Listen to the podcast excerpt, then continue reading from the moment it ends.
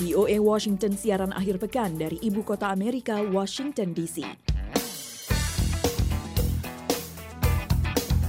Halo, selamat malam pendengar setia VOA. Senang sekali saya Le Johannes bisa kembali hadir untuk Anda Sabtu 18 Juni 2022. Tidak terasa ya, kita sudah melewati pertengahan bulan Juni. Apa nih rencana Anda di bulan Juni ini? Mungkin berlibur sejenak? Apalagi sekarang lebih mudah untuk berpergian dengan berbagai moda transportasi. Yang penting, mempersiapkan dan melengkapi diri dengan dokumen kesehatan menurut persyaratan yang berlaku.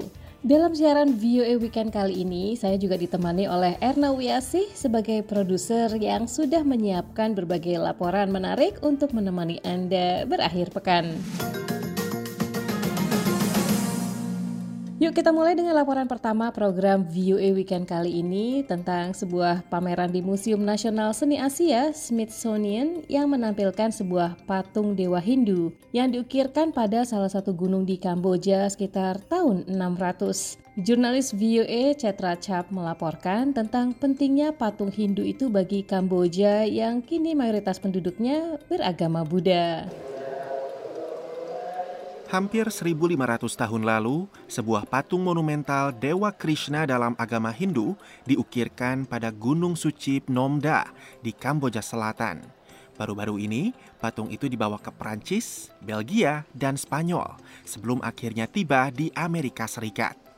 Kini, patung agung berjudul Krishna mengangkat Gunung Govardhan itu tengah ditampilkan dalam sebuah pameran di Museum Nasional Seni Asia di Smithsonian, Washington, D.C. Emma Stein, asisten kurator Smithsonian mengatakan, We actually know the original location of um, of the sculpture. It was in a cave temple. Kami sebenarnya tahu lokasi asli patung ini. Ia berada di dalam kuil gua sekitar setengah jalan ke atas gunung. Patung ini sengaja dipajang di lokasi tersebut. Pameran ini mencoba membawa lanskap asli dan seluruh budaya keagamaan dan sosiologi yang menciptakan mahakarya ini ke dalam ruang museum kami. Pameran berjudul Mengungkap Krishna, Perjalanan ke Gunung Suci Kamboja itu berfokus pada sang patung Krishna yang dipugar oleh staf Museum Seni Cleveland yang bekerja sama dengan Museum Nasional Kamboja. Sebelum abad ke-13, Kamboja yang kini merupakan negara berpenduduk mayoritas Buddha sempat menjadi kerajaan Hindu dengan berbagai bangunan dan patung Hindu patung Krishna mengangkat Gunung Govardhan sendiri mengilustrasikan Krishna kecil yang berusia 8 tahun mengangkat sebuah gunung dengan hanya satu jari untuk melindungi warga desa dan ternak mereka dari terjangan badai yang dikirim Dewa Hujan Indra yang tengah marah. Kembali, Emma. This image of Krishna lifting the mountain that's in this floodplain in the Mekong Delta. Um, Gambaran Krishna yang mengangkat gunung ini berada di dataran banjir di delta Sungai Mekong, sebuah kawasan pertanian yang bergantung pada musim hujan. Gambaran banjir dan badai ini sangat kuat, sehingga dengan mengukir patung Krishna dalam posisi berdiri di dalam gua, seolah ia benar-benar mengangkat gunung akan menjadi lambang perlindungan yang sangat kuat dan menggema. Mayoritas komunitas Kamboja di seluruh dunia saat ini memeluk Buddha dan sebagian besar mahakarya Hindu kuno seperti Krishna dan kompleks kuil Angkor Wat sudah diadaptasi ke dalam praktik agama Buddha. Pameran tiga dimensi itu juga menampilkan karya dokumenter berdurasi 30 menit mengenai agama Buddha dan bagaimana situs-situs keagamaan kuno berperan penting dalam perjalanan keyakinan empat penyintas asal Kamboja yang melarikan diri dari rezim komunis Khmer Merah yang membunuh lebih dari 1,7 juta orang di akhir tahun 1970-an. Prachley, sineas dokumenter itu menuturkan, well, I was, uh yeah, and I was able to put together a short documentary film called Satu. Saya berhasil membuat film dokumenter pendek berjudul Satuk. Karena ketika Anda pergi ke kuil, saat Anda berdoa, Anda selalu merapal Satuk, Satuk, Satuk tiga kali. Long Ung, penulis terkemuka yang menulis buku First They Killed My Father, adalah satu dari keempat penyintas yang dikisahkan dalam film Satok. Ia membantu menceritakan lini masa visual pameran itu bersama aktris Hollywood Angelina Jolie. Ia mengatakan pameran itu merupakan kehormatan besar bagi Kamboja. I'm so happy to see people walking through the exhibit Saya sangat senang melihat orang-orang berjalan-jalan, melihat pameran ini dan menikmati kesenian, budaya, musik, dan pemandangan Khmer. Karena kami sebagai orang Khmer tahu betapa indahnya Kamboja. Pameran mengungkap Krishna perjalanan ke Gunung Suci Kamboja dapat dinikmati pengunjung secara gratis hingga 18 September 2022. Rifan Dwi Astono, VOA, Washington. Crowded hallways are the loneliest places for outcasts and rebels or anyone who just dares to be different. And you've been trying for so long to find out where your place is. But in their narrow minds, there's no room for anyone who dares to do something different. Listen for a minute. Trust the one who's been where you are, wishing all it was was sticks and stones. Those words cut deep, but they don't mean you're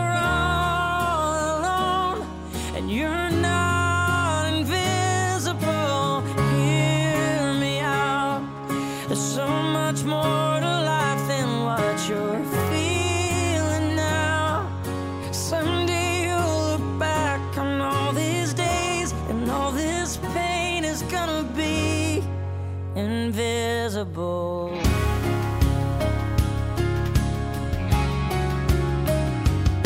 So your confidence is quiet. To them, quiet looks like weakness, but you don't have to fight it. Cause you're strong enough to win without a war. Every heart has a rhythm.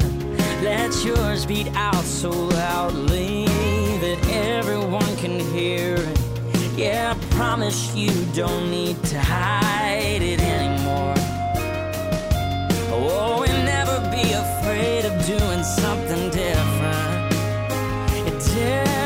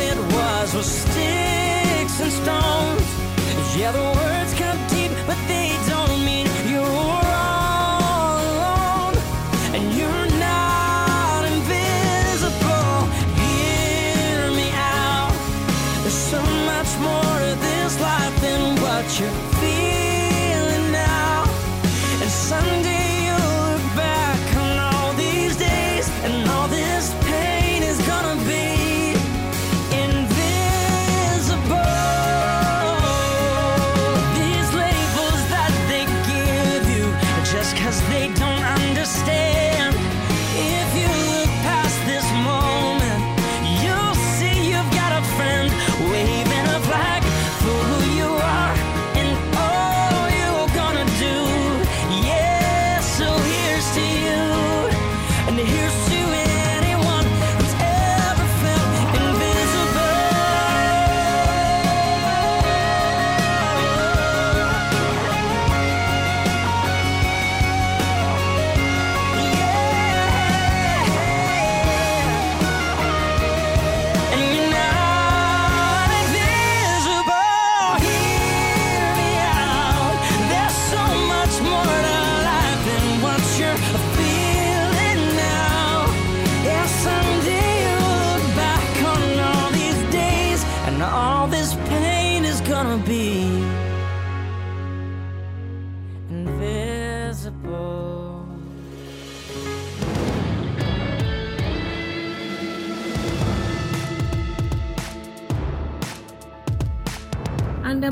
mengikuti acara mingguan VOA Weekend bersama Lea Johannes langsung dari studio VOA di Washington DC.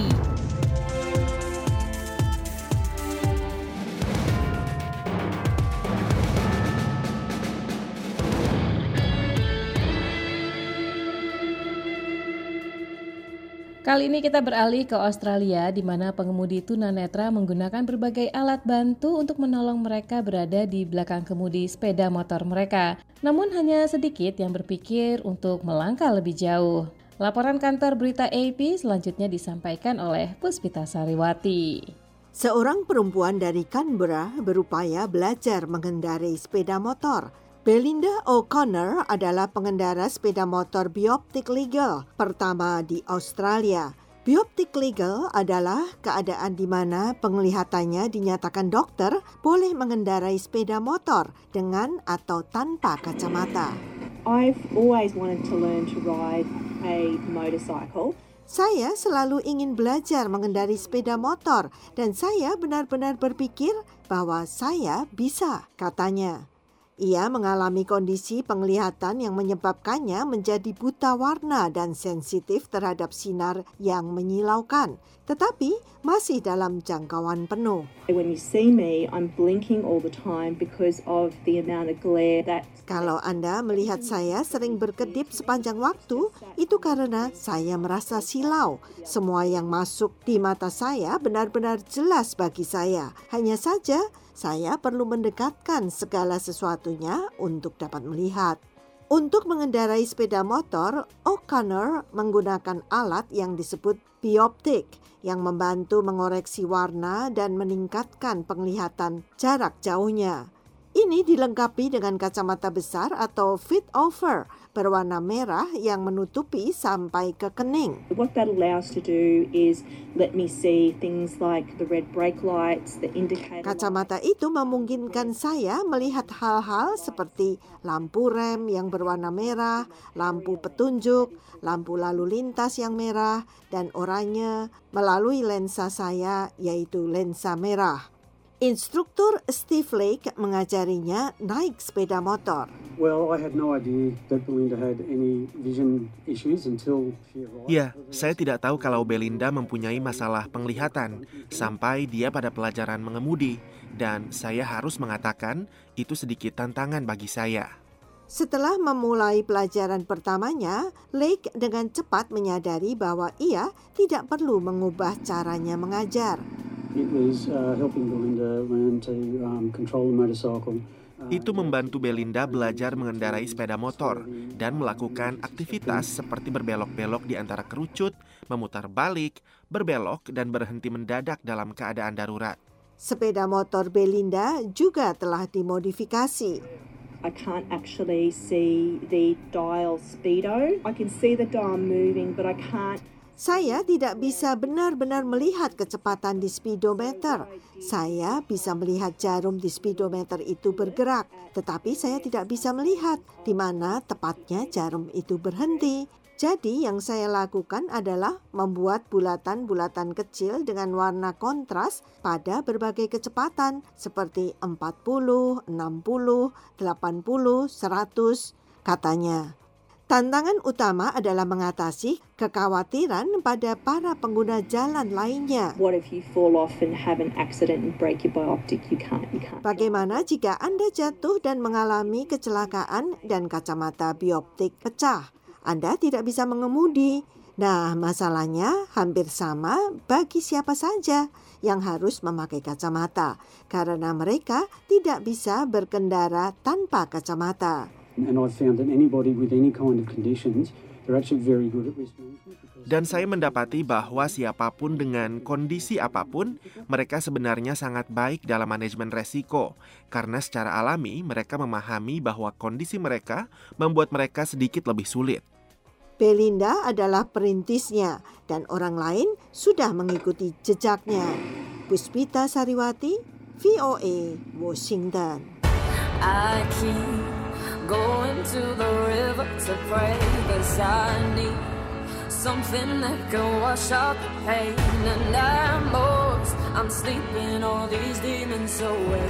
But your ghost, the ghost of you, it keeps me awake. My friends had you figured out. Yeah, there's so what's inside of you. You tried hiding another you.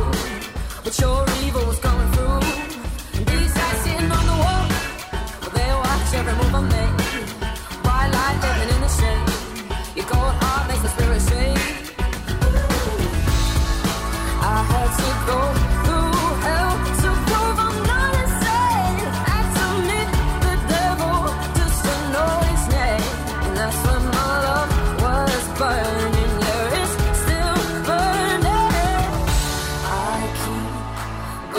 to the river to pray, cause I need something that can wash out the pain. And I know I'm sleeping all these demons away, but your ghost, the ghost of you,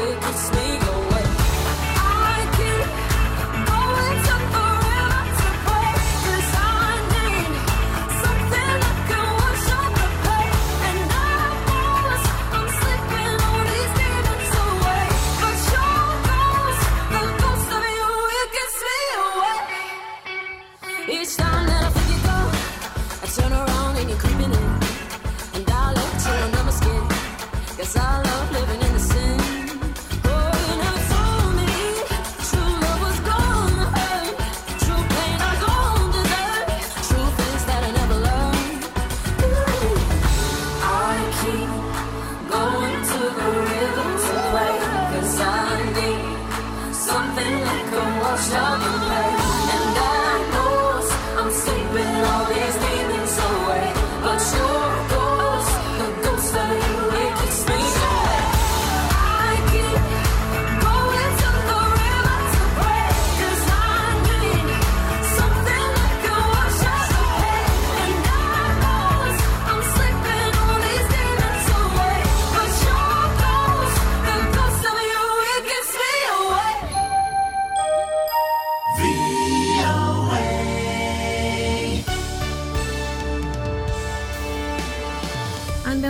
mengikuti acara mingguan VOA Weekend bersama Lea Johannes langsung dari studio VOA di Washington DC.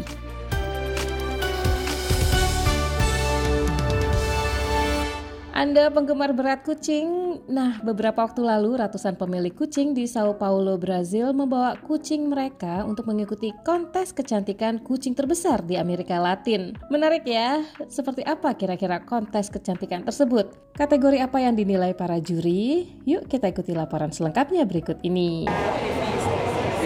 Kucing-kucing lucu dari berbagai ras melakukan aksi mereka dalam sebuah kontes kecantikan kucing yang memukau penonton di kota terbesar di Brasil itu. Para pemilik kucing tampak menyisiri bulu hewan peliharaan mereka itu agar terlihat lebih lebat, lembut, dan tebal. Kucing-kucing tersebut lalu diperlihatkan kepada tim juri yang kemudian mengumumkan nama pemenangnya pada hari Minggu. Warga kota Sao Paulo dikenal memiliki banyak kucing sebagai hewan peliharaan karena lebih mudah dipelihara di dalam apartemen.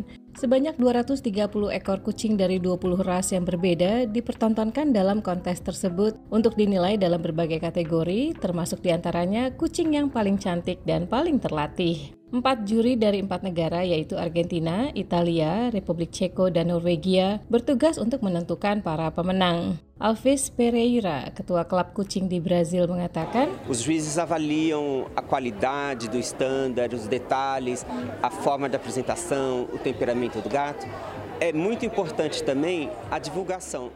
Para juri mengevaluasi kualitas kucing, detailnya, penampilan, dan temperamen mereka. Kontes ini juga sangat penting untuk memperlihatkan kepada khalayak umum kucing sebagai hewan peliharaan, bagaimana cara memeliharanya, bagaimana berinteraksi dengan kucing, termasuk apa yang dimakan kucing, apa yang dibutuhkan, serta kebutuhan emosionalnya. Louis Grady yang memiliki 9 ekor kucing, empat di antaranya adalah juara dunia, ikut dalam kontes tersebut. Dengan bangga, ia memperlihatkan kucingnya, Yennefer, yang berusia 7 bulan. Grady mengatakan, A motivação de competir, de criar um gato melhor do que o gato que você adquiriu inicialmente, tentar trabalhar Apa yang memotivasi kami untuk ikut dalam kontes ini adalah untuk mengubah kucing yang Anda beli ini menjadi lebih baik dan mengembangkan rasnya. Ini merupakan tantangan yang menggerakkan kami. Selain itu, kami membawa kucing-kucing tersebut untuk mengikuti kontes di Eropa dan tempat lainnya di dunia. Ini merupakan pengakuan bahwa warga Brasil dapat melakukannya dengan benar. Ini merupakan pengakuan terbaik yang kami miliki. Sekian laporan tim VOA Lea Johannes, Washington DC. I can't wait till I get you on the floor, good looking.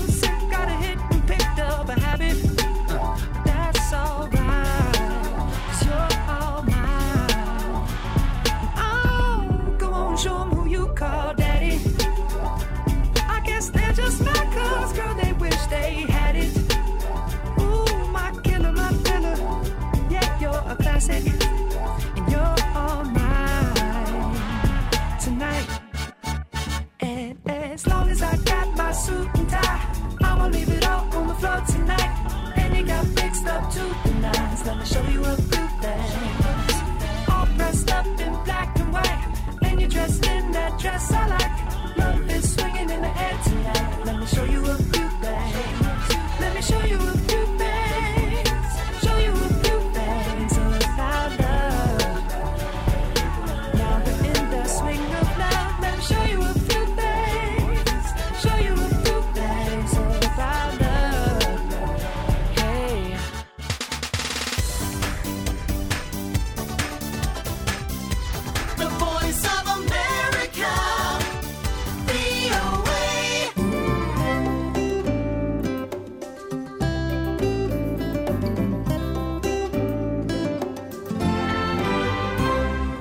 Anda masih menyimak VOA Weekend bersama Lea Johannes dari studio VOA di Washington DC.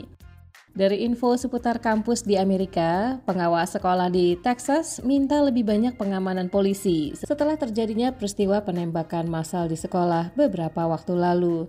Penanganan terkait kekerasan senjata api di Amerika memasuki babak baru setelah tekanan meningkat terhadap sekolah-sekolah yang menginginkan tambahan pengamanan untuk mencegah peristiwa kekerasan terjadi di lembaga pendidikan. Negara bagian Texas bahkan merekrut lebih banyak polisi untuk mengamankan sekolah. Selengkapnya disampaikan oleh Madeyoni. Pengawas sekolah distrik Uvalde di Texas di mana 19 murid dan dua guru ditembak mati, pekan lalu mengatakan distrik itu akan merekrut lebih banyak polisi untuk tahun ajaran baru yang akan dimulai pada musim gugur mendatang. Dalam konferensi persnya Kamis lalu, ia menyebut perkembangan baru mengenai penyelidikan terkait penembakan itu. Namun pejabat sekolah tinggi Uvalde, Hal Harrell menegaskan mereka akan memperkuat pengamanan di semua sekolah. We're in the process of developing a list of actions we can take to strengthen security on all of our campuses. In addition, law enforcement officers have been assigned to each campus during summer school, and it is our goal to hire additional officers to be assigned to each campus for the upcoming school year. Kami sedang dalam proses mengembangkan daftar tindakan yang bisa diambil untuk memperkuat keamanan di semua kampus kami. Selain itu, petugas penegak hukum telah ditugaskan di setiap kampus selama musim panas dan bertujuan merekrut petugas tambahan untuk setiap kampus pada tahun ajaran mendatang. Hal Harrell juga mengatakan Rob Elementary atau sekolah dasar Rob di mana peristiwa penembakan massal terjadi tidak akan digunakan kembali. In Robb Elementary, we will not be going back to that campus in any form or fashion. There will be no school personnel on that campus as we move forward. Rob Elementary, kita tidak akan kembali ke gedung sekolah itu dalam bentuk atau cara apa pun. Tidak akan ada personel sekolah di lokasi itu ke depannya. Sejauh masa depannya ada pembicaraan mengenai hal itu saat kita melangkah maju sebagai komunitas. Kita akan mencari masukan dari komunitas untuk membantu menentukan seperti apa komunitas kita ke depannya. Sementara itu, Sabtu 11 Juni, ribuan orang berunjuk rasa di alun-alun nasional atau National Mall dan di seluruh Amerika dalam desakan baru untuk mengambil tindakan pengendalian senjata setelah dua peristiwa penembakan massal di Uvalde, Texas dan Buffalo, New York yang menurut para aktivis harus memaksa Kongres untuk bertindak. David Hogg, salah seorang pendiri gerakan March for Our Lives dan penyintas penembakan di Parkland mengatakan, sekarang banyak yang mendukung peraturan yang lebih keras untuk kepemilikan senjata. allies than ever before. And we're showing up not just for one march, but we're showing up as the marches as hopefully the beginning of the end. Kami punya lebih banyak sekutu daripada sebelumnya dan industri yang berada dalam posisi yang lebih lemah daripada sebelumnya karena upaya-upaya yang telah dilakukan selama empat tahun terakhir. Meski ada kesepakatan bipartisan dari satu kelompok para anggota DPR pekan lalu yang memberi larangan terbatas kepemilikan senjata di Amerika, namun Presiden Joe Biden mengatakan pembatasan ini masih jauh dari upaya mengatasi kekerasan bersenjata di Amerika. Lembaga-lembaga pendidikan di Amerika masih dilanda kecemasan akan terulangnya peristiwa kekerasan senjata di lingkungan sekolah dan kampus-kampus mereka. Saya Madioni dan Leona Triono, VOA.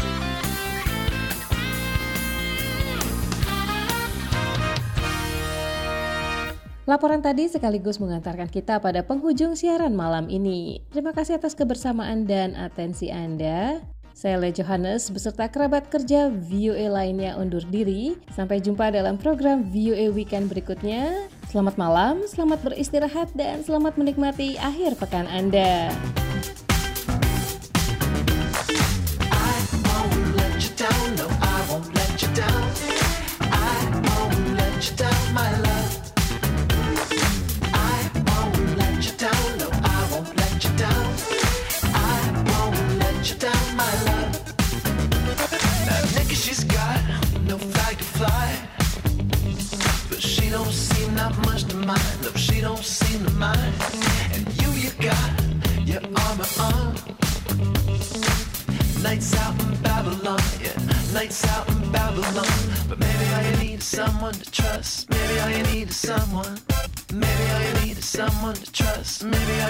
Someone.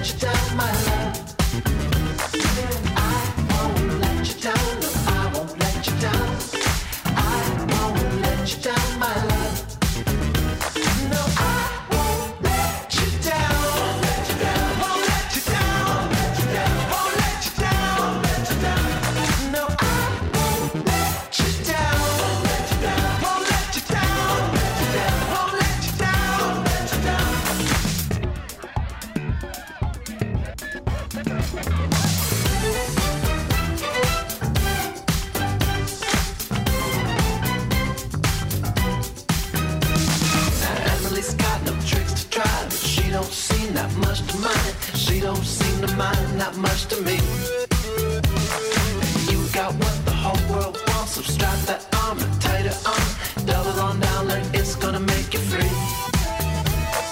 Maybe all you need is someone to trust. Maybe all you need is someone. Maybe all you need is someone to trust. Maybe all you need is someone. I